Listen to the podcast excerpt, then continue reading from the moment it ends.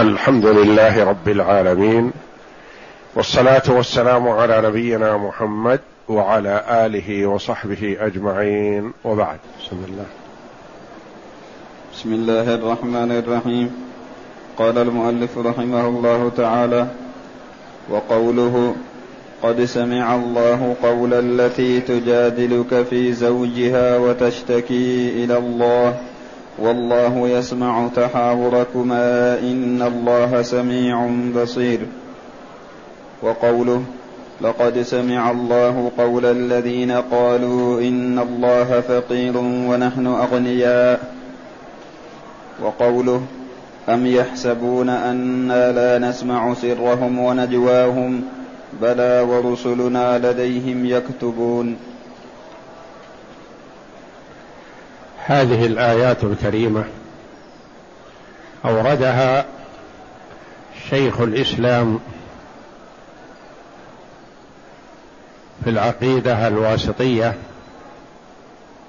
للدلالة على إثبات صفة السمع والبصر لله سبحانه وتعالى. على ما يليق بجلاله وعظمته. واحذر أن يقع في ذهنك أن سمع الله كسمع المخلوق أو أن بصر الله كبصر المخلوق فتقع فيما وقع فيه المشبهة. واحذر أن تنفي هذه الصفة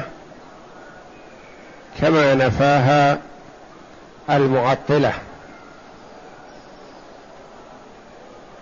فالمشبهة غلوا في الإثبات فشبهوا والمعطلة وقعوا في التشبيه أولا ثم فروا منه إلى التعطيل فعطلوا.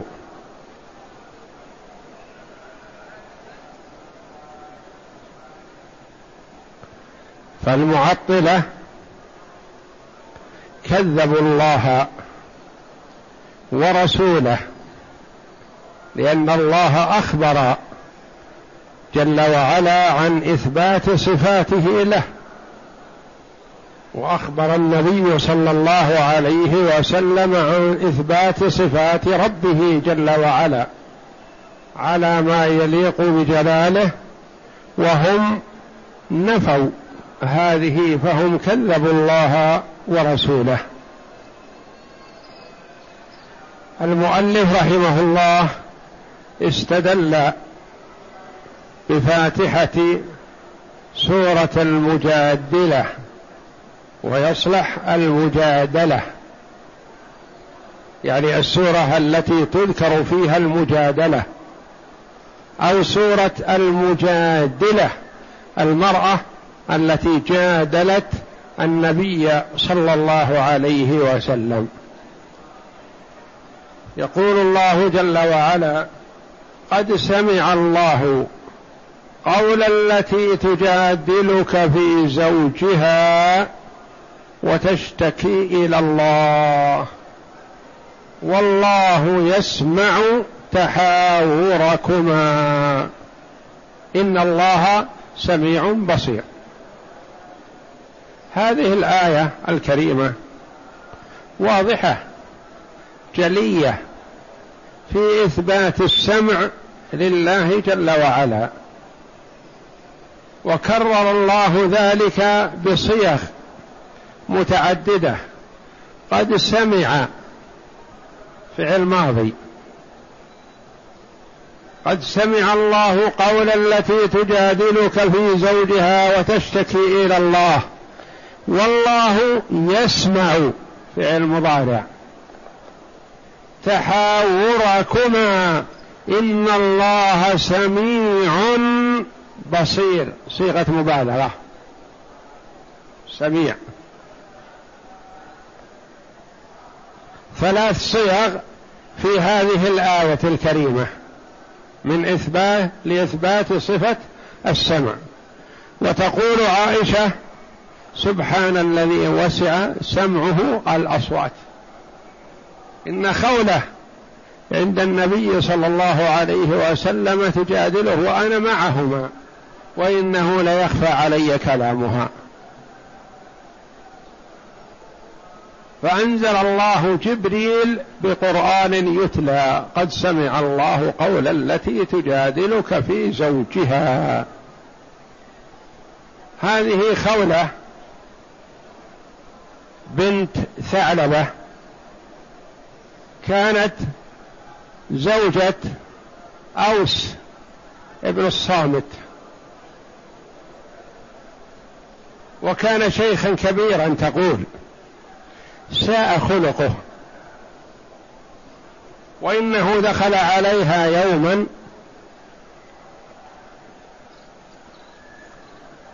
فجادلت ردت عليه في أمر ما فقال أنت علي كظهر أمي. تقول ثم خرج فجلس في نادي قومه. ثم عاد فأرادني فقلت لا ورب خوله. لا تقربني حتى يحكم الله ورسوله في وفيك. تقول فهجم علي يريدني. فدفعته بما تستطيع به المرأة القوية أن تدفع الشيخ الكبير. شيخ كبير. فدفعته. فخرجت إلى إحدى جاراتي فاستعرت منها ثوبا. ما كان عندها ثوب تخرج فيه. فلبسته وأتيت النبي صلى الله عليه وسلم في بيته. فذكرت له أمري. فقال ما أراك إلا حرمت عليه. لأن الظهار كان من طلاقات الجاهلية موجود في الجاهلية. وإذا قال عنها ظاهرها يعني قال انت كظهر أمي صار طلاقا عندهم ما تحل له. فقال النبي صلى الله عليه وسلم ما أراك إلا حرمت عليه فقلت يا رسول الله صبية صغار إن تركتهم عنده ضاعوا شيخ كبير فاني. وإن أخذتهم جاعوا منين أطعمهم؟ والرجل أخذني وأنا شابة فلما نثر بطني وصار لا رغبة للرجال في جعلني كظهر أمه.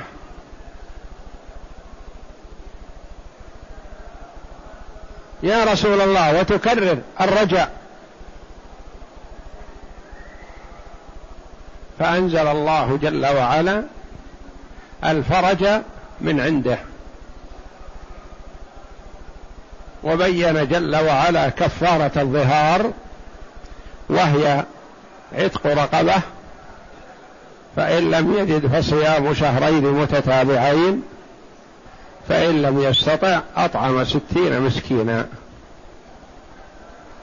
فقال النبي صلى الله عليه وسلم يا خولة مريه أن يعتق رقبة. فقالت والله لا يجد يا رسول الله. قال مريه أن يصوم شهرين متتابعين. قالت والله لا يستطيع يا رسول الله. شيخ كبير ما به من طاقة على الصيام. فقال مريه يطعم ستين مسكينا. فقالت يا رسول الله لا يجد. ما عنده شيء. نحن في بيتنا ما عندنا شيء نأكله. فكيف نطعم الفقراء؟ فقال عليه الصلاة والسلام إنا لنعينه في وسق شيء من الطعام يتصدق به. قالت وأنا يا رسول الله سأعينه. فاجتمع ما أعانه به النبي صلى الله عليه وسلم وما أعانته به هي فتصدق به وأكلوا باقيه. أنزل الله جل وعلا قد سمع الله قولا التي تجادلك في زوجها وتشتكي إلى الله. والله يسمع تحاوركما. يعني تناقشكم تجادلكم في الكلام. هذه خولة اعترضت مرة لعمر في الطريق وكان معه من رجالات قريش من الناس الكبار. فأوقفته فوقف معها. وأطال الوقوف هو وإياها حتى قضى حاجتها وسارت. فجاءه شخص فقال يا أمير المؤمنين معك رجالات قريش وأوقفتك هذه العجوز عنهم؟ طولت الوقوف معها وتركت الرجال قال ويحك أتدري من هذا؟ والله لو أوقفتني إلى الليل لوقفت معها حتى تقضي حاجتها أو تحضر صلاة فأصلي وأعود إليها. هذه خولة بنت ثعلبة. سمع الله جل وعلا صوتها من فوق سبع سماوات وعمر يعتذر من سماع ما تقول وهي تنصح عمر تحثه وتنصحه.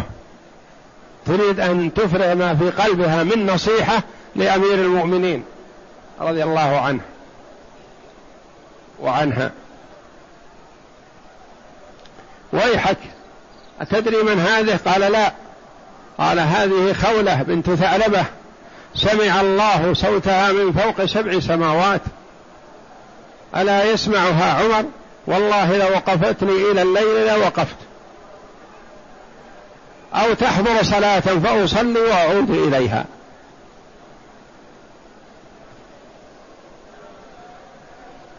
قد سمع الله قول التي تجادلك في زوجها وتشتكي إلى الله والله يسمع تحاوركما. إن الله سميع بصير. فهذه آية عظيمة واضحة جلية في إثبات صفة السمع لله جل وعلا على ما يليق بجلاله وعظمته. لا يخطر على بالك أن كيفية سمع الله ككيفية سمع المخلوق يحتاج إلى إذن مثلا صماخ وتعاريج ظهر العلن وما فيها من من أشياء داخلية ونحو ذلك هذا لا يخطر على بالك أنه هكذا سمع الله تعالى الله وإنما سمع الله على ما يليق به. نعرف معنى السمع ونعرف أنه يسمع جل وعلا لكن كيف يسمع؟ الله أعلم بذلك جل وعلا. لأن معرفة الكيفية فرع عن معرفة الذات. وذات الله جل وعلا لا يعلمها إلا هو. أنت تسألني عن كيفية مجيء زيد أنا أقول لك لأني رأيته زيد أقول لك جاء راكبا أو أقول جاء ماشيا أو أقول لك جاء ضاحكا أو أقول لك جاء باكيا. أخبرك عن كيفية مجيء زيد لأني شفته واطلعت عليه. لكن كيف يسمع الله وكيف سمع الله هذا ما يحيط به ولا يعلم عنه إلا هو سبحانه وتعالى. أنا علي أن أثبت وأؤمن وأوقن بأن الله يسمع. يسمع الأصوات ويحيط بها ويدركها. يسمع ويرى سماع حفظ وعناية وإجابة ولطف.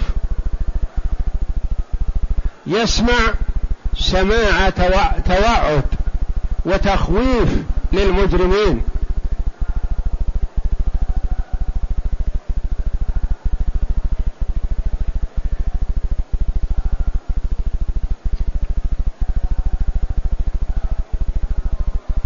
أم يحسبون أنا لا نسمع سرهم ونجواهم بلى نسمع ذلك. ورسلنا لديهم يكتبون.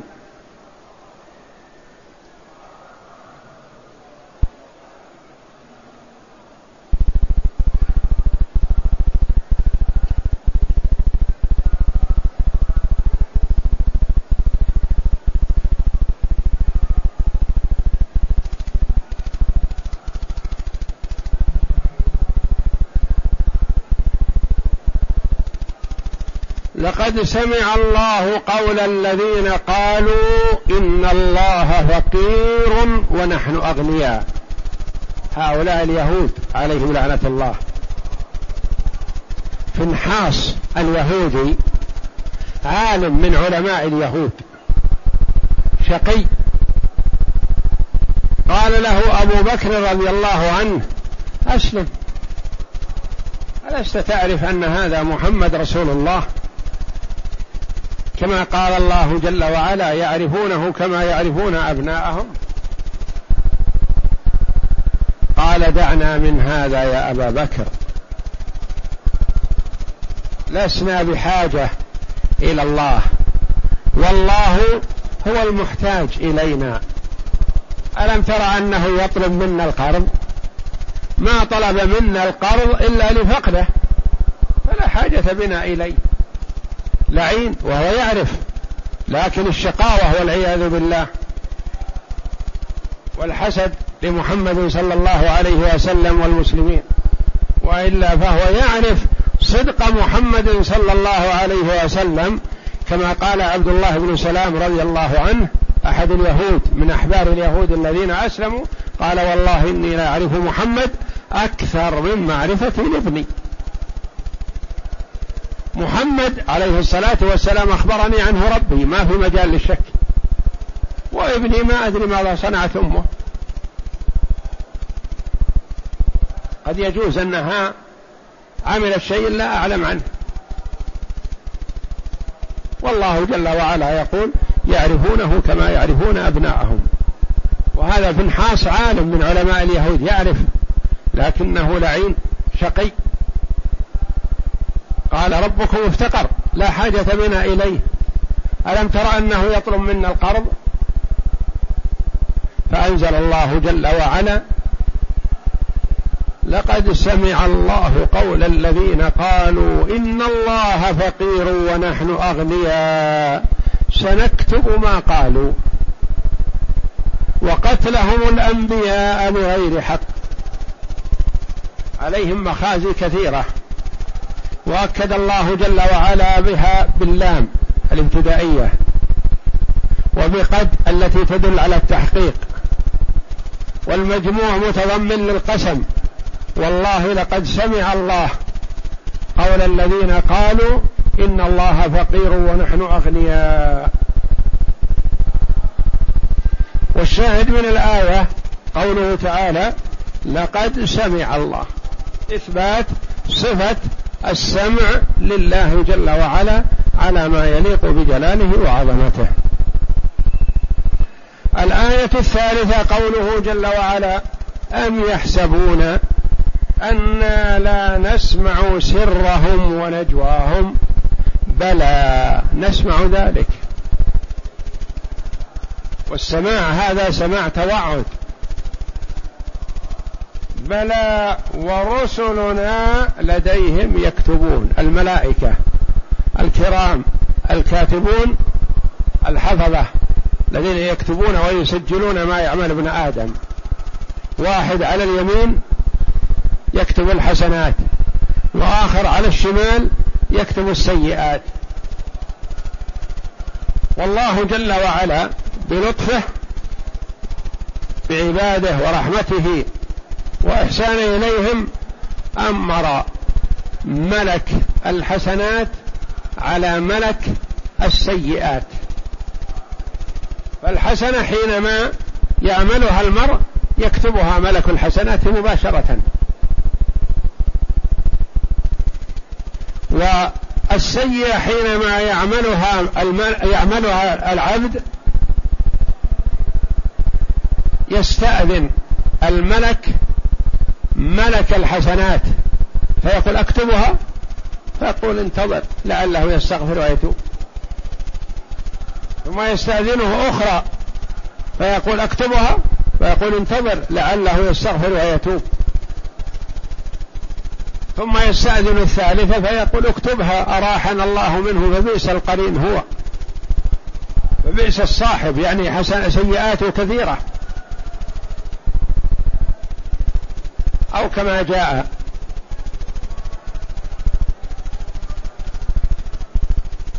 فالله جل وعلا يقول أم يحسبون؟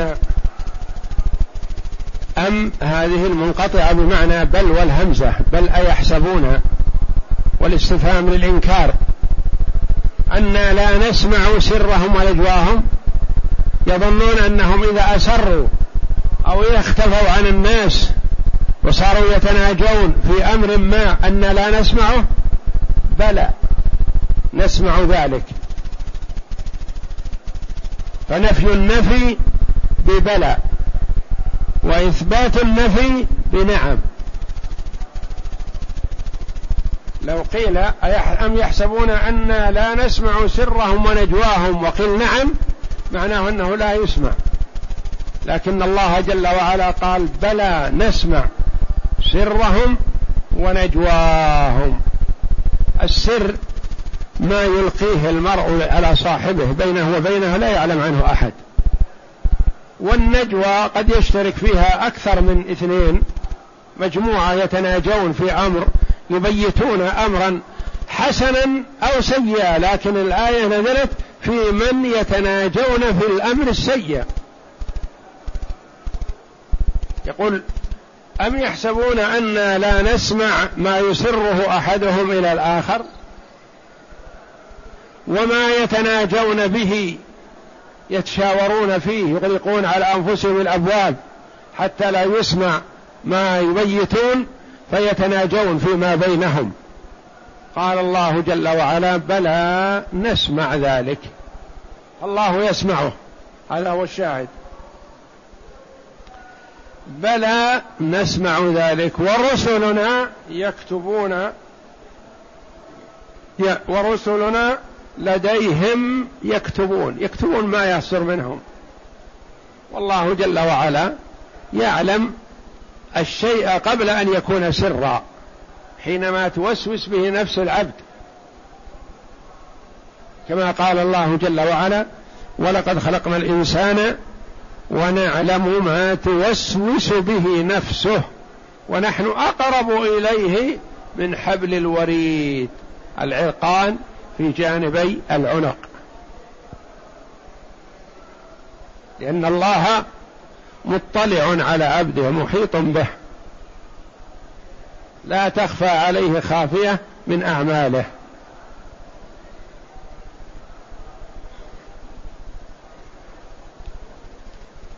وهذا السماع سماع وعيد. لأن الآية نزلت في من يخططون ضد محمد صلى الله عليه وسلم والصحابة.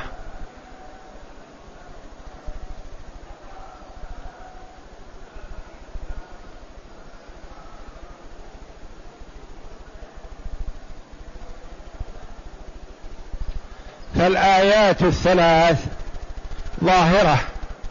جلية واضحة في إثبات صفة السمع لله جل وعلا على ما يليق بجلاله وعظمته. والناس في الكلام على سمع الله جل وعلا ثلاث فرق طرفان ووسط. طائفة أثبتت أثبتت وشبهت فقالت يسمع كسمعي إلى آخر كلامهم. تعالى الله.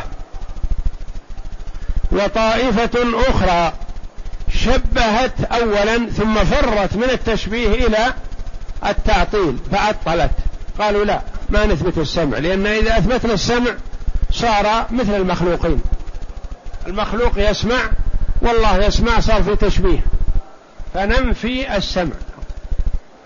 نقول الله جل وعلا يقول يسمع. وأنت تقول لا ما يسمع. وصفة السمع صفة كمال.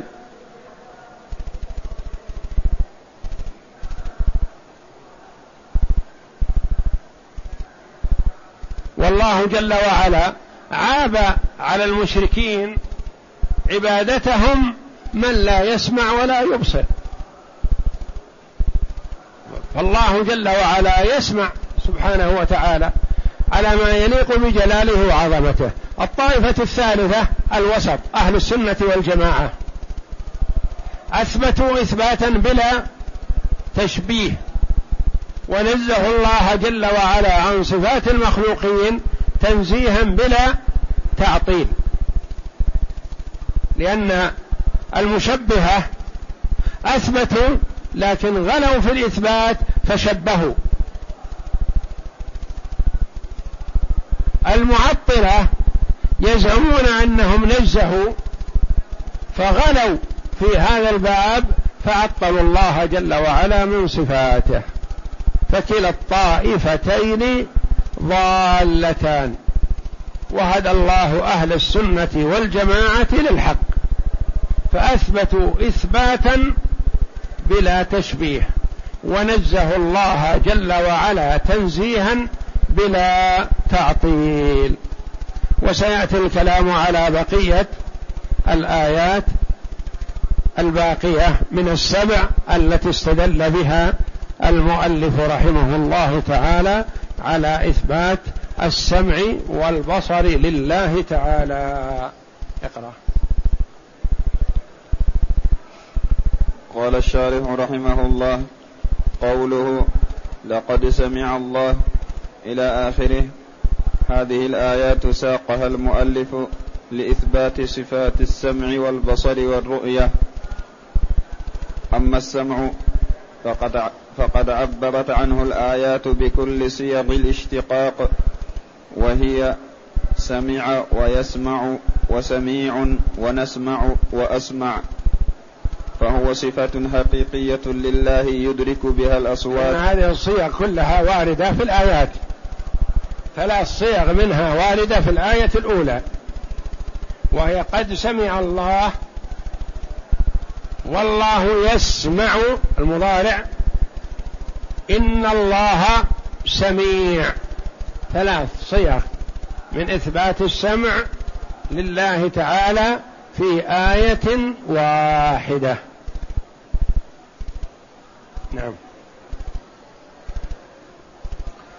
وأما البصر فهو الصفة التي يدرك بها الأشخاص والألوان والرؤية لازمة له.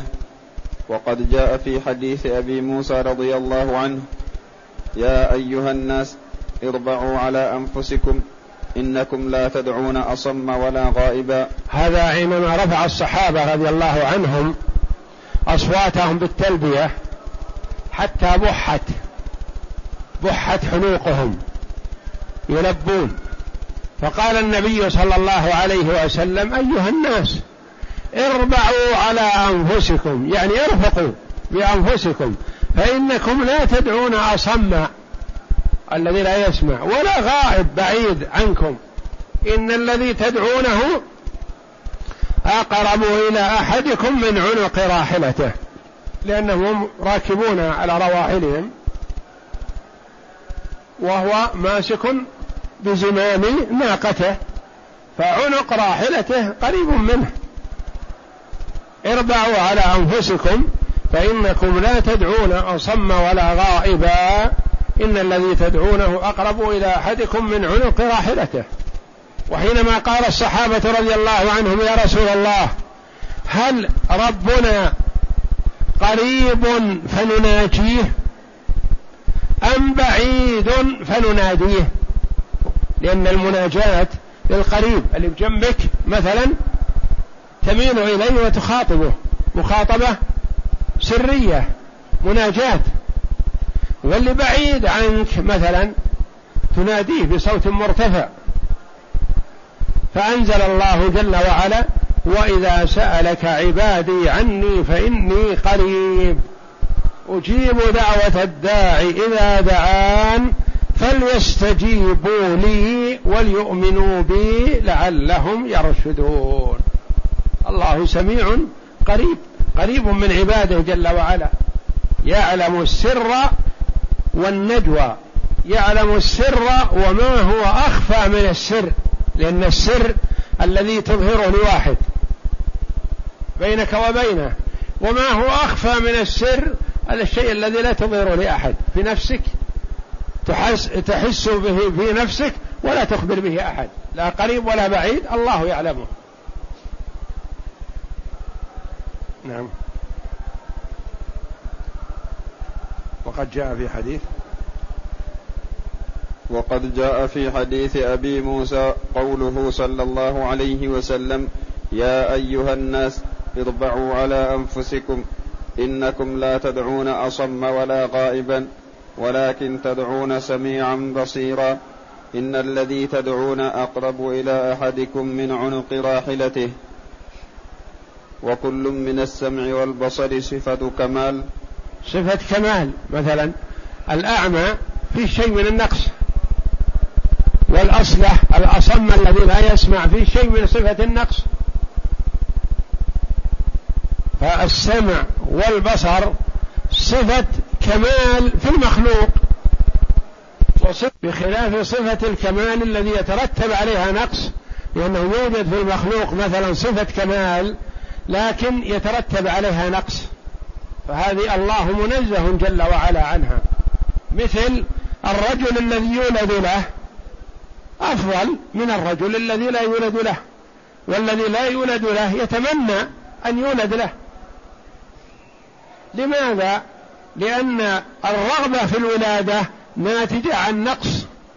لأن الإنسان يشعر أنه في حاجة إلى من يساعده في حاجة إلى ولد يستأنس به ويقضي حوائجه وينفعه في الدنيا والآخرة. فهو للنقص الذي فيه يستشعر رغبته في الولد. والله جل وعلا مبرأ عن الولد والوالد منزه عن جميع النقائص. فهذا صفة كمال الولادة مثلا في الإنسان لكنها صفة كمال لما في الإنسان من النقص الذي يجعله محتاج إلى الولد. والله جل وعلا غير محتاج. وقد عاب الله على المشركين عبادتهم ما لا يسمع ولا يبصر. نزلت الأولى في شأن خولة بنت ثعلبة رضي الله عنها حين ظاهر منها زوجها. زوجها أوس بن الصامت رضي الله عنه. نعم. فجاءت تشكو إلى رسول الله صلى الله عليه وسلم وتحاوره. هو أخو عبادة بن الصامت الراوية للأحاديث رضي الله عنه. وأوس هذا كبر شيخ كبير.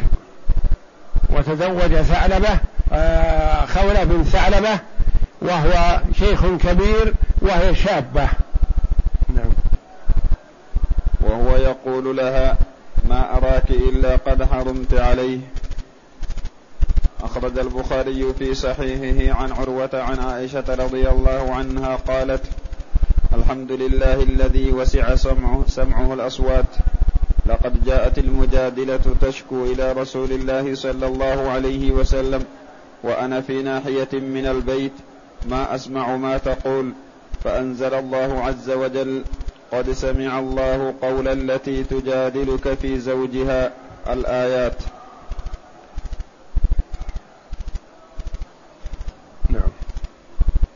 وأما الآية الثانية فقد نزلت في فنحاس اليهودي الخبيث حين قال لأبي بكر رضي الله عنه لما دعاه إلى الإسلام. أبو, أبو بكر رضي الله عنه من نصحه وشفقته يدعو هذا فنحاس وفنحاس من علماء اليهود. ويعرف أبو بكر رضي الله عنه أنه إذا اجتهد في فنحاس فإن فنحاس سيتبعه ناس آخرين. ليس وحده له أتباع.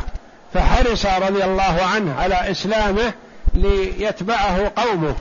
نعم.